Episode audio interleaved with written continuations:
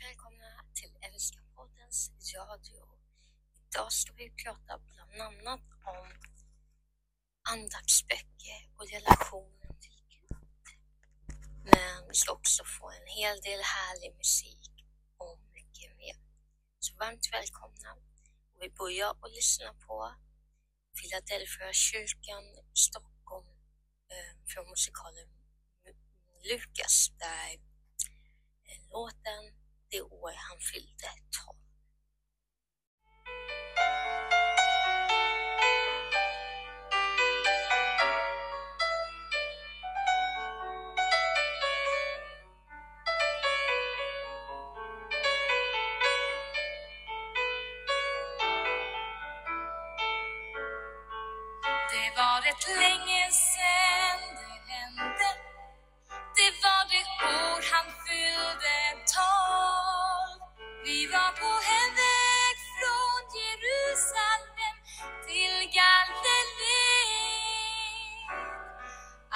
vi äldre gick tillsammans och de unga gick för sig så Josef och jag tog för givet han var med.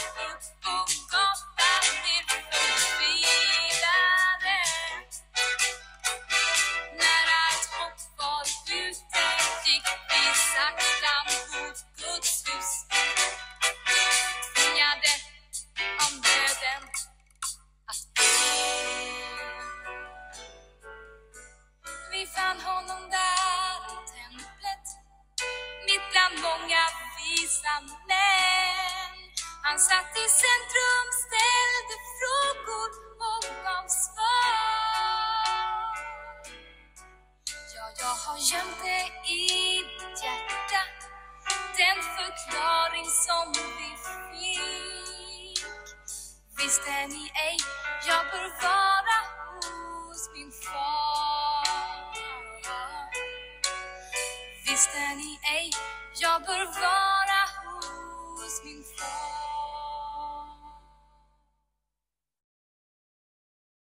Det var alltså musikalen Lukas med Philadelphia kyrkan Stockholm det år han fyllde tolv.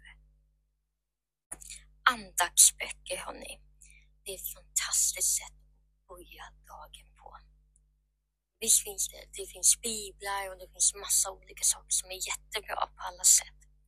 Men att få ett ord varje dag och ha liksom en lista på den här planen ska jag köra. är ett jättebra sätt. Sen finns det ju andra aspekter där ju till och med finns uppgifter du ska göra för att komma in i det bättre och det är ju fantastiskt.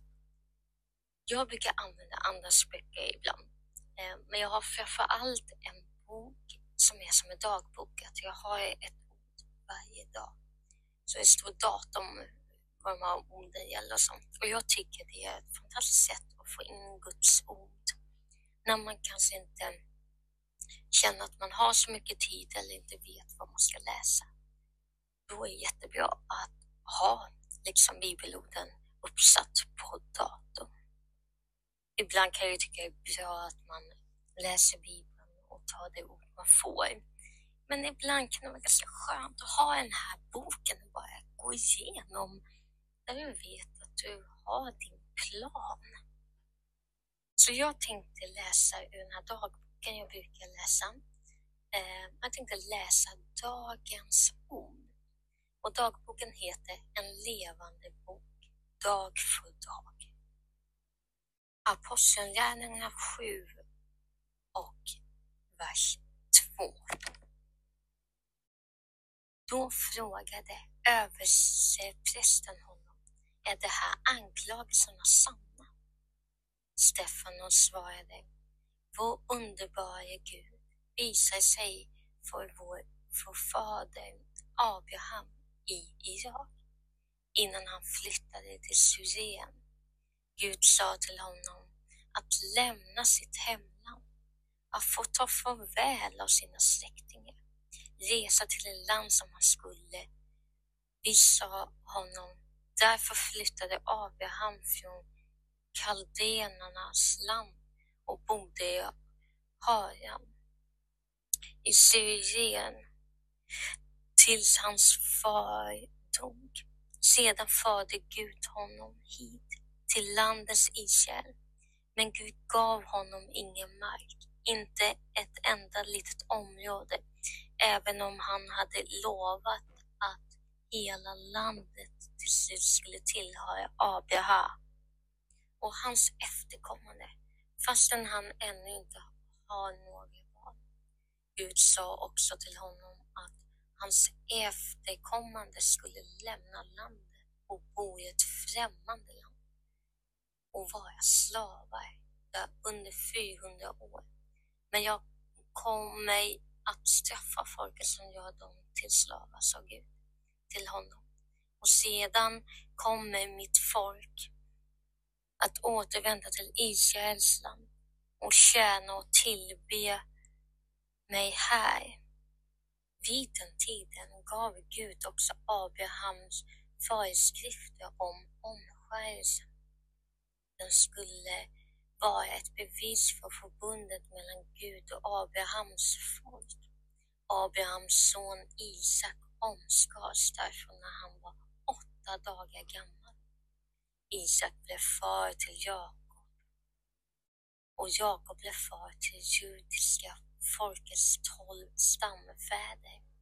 Och dessa män var mycket avundsjuka på Josef och sålde honom som slav till Egypten. Men Gud var med honom och räddade honom ur alla svårigheter och lät honom bli framgångsrik hos kung farao.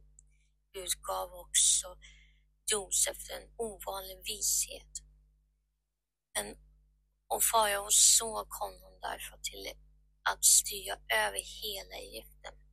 Dessutom gav honom ansvar för den kungliga förvaltningen. Men sedan blev det hungersnöd i Egypten och i Kanaan och våra förfäder fick det mycket små, när de inte hade någon mat kvar. Och hörde Jakob det fortfarande fanns säd i Egypten. Därför sände han sina söner dit för att köpa säd. Andra gången de for dit avslöjade Josef för dem. Och vem han var och bröderna blev presenterade för farao. Sedan skickade Josef efter sin far Jakob och alla sina bröders familjer så att de kunde komma till Egypten. Tillsammans var 75 personer. På ett sätt kom Jakob till Egypten där han och alla hans söner. De fördes alla till Sicken, begravdes i den grav som Abraham där han hade köpt av Emmors söner. Så kom den tid då Gud skulle uppfylla sitt löfte till Abraham och det judiska folket växte till och blev ett stort folk i Egypten. Men då fick landet en ny kung som inte visste något om Josef. Denna kung gjorde upp en fientlig plan mot vårt folk och tvingade våra förfäder att sätta ut de nyfödda fälten för att de skulle dö. Vid den tiden föddes Mose, ett ovanligt vackert barn. Hans föräldrar gömde honom hemma i tre månader och när de till sist inte längre kunde hålla honom då blev tvungen att överge honom. hittade Faraos dotter honom. Hon adopterade honom som sin egen son och han blev grundligt undervisad i Egypternas hela vetenskap. Och han stod högt och anseende och genom allt vad han sa och gjorde. När Mose var närmast, närmare 40 år började han att bekymra sig för sina bröder. Israels folk under besöket hos dem blev hans ögonvittne till hur Egyptens misshandlar en israelit. Då dödade Mose Egypten. Han trodde nämligen att hans landsmän skulle förstå att Gud hade sånt honom för att befria dem, men det gjorde det inte. Man pratar om revolution, revolutioner, segregationer och konventioner. Om nativiteten, inaktiviteten och missnöjdheten vid universiteten. Men vi bara säger ge Jesus en chans.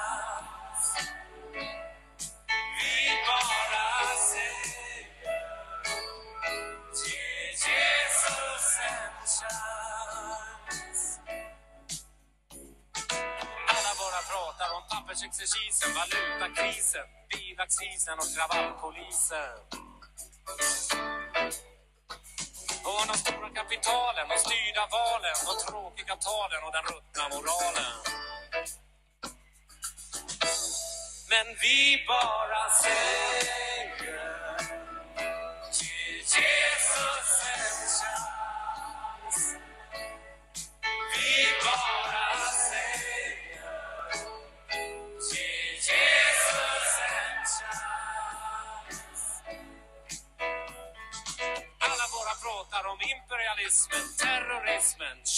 egoismen och opportunismen. Fackliga strider, gyllene tider, sent om sidor om människor som lider.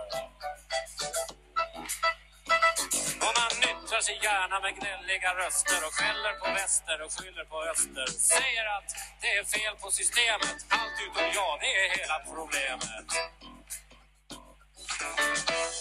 Men vi bara säger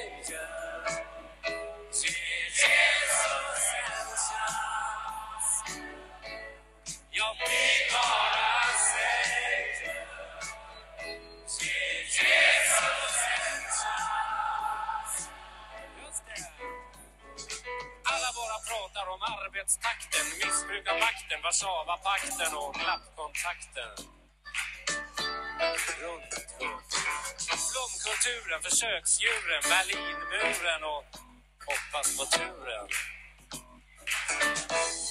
Men vi bara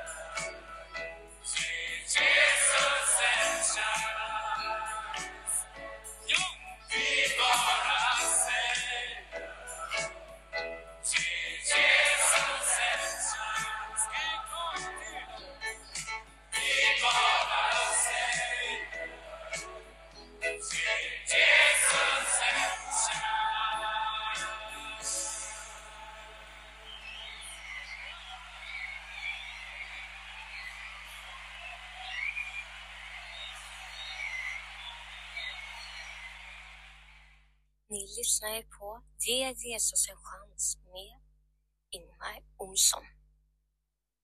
Den här låten passar ju faktiskt väldigt bra. Ge Jesus en chans. Ja, för det är lite det vi snackar om. Att läsa andaktsböcker, att ha en relation med Gud är jätteviktigt. Men ibland upplever jag att vi kanske inte vågar ta det där extra steget, att lämna allting för Gud och faktiskt följa Jesus, att bestämma sig för att följa Jesus, att ge Jesus en chans. Men om man inte vill släppa in, hur ska vi kunna då få hjälp och hur ska vi kunna då få en relation om vi inte vågar släppa in Gud i vårt liv? Vi behöver säga, är jag Gud, släpp in mig. Jag lägger mitt liv inför dig. Jag släpper taget nu och du får bara ta emot mig. Och det är ju helt fantastiskt att vi får lämna allt inför Gud. Att han tar hand om allting. Att vi behöver inte bära, vi behöver inte ta den där tunga ryggsäcken. För Gud är med oss alla dagar in till tidens slut. Hur underbart är inte det? Min bil har sett sina bästa år. Den rullar på så långt det går. Jag har ingen särskild ekonomi. Ofta är jag bank och fågelfri. Men jag bär en hemlighet. Jag har en stor förmögenhet.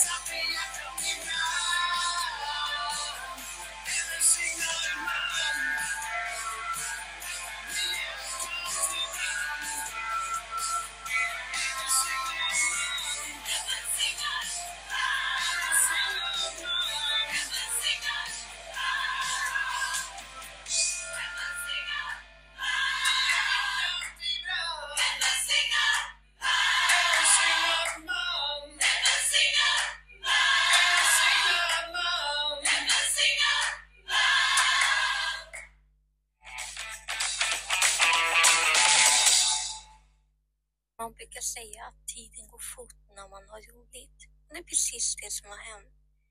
Nu är nu börjar tiden rinna ut så jag vill tacka för alla som har varit med och lyssnat och eh, allt. Ehm, tack för att du har lyssnat så ses vi nästa gång. Ha det så bra. Hej då.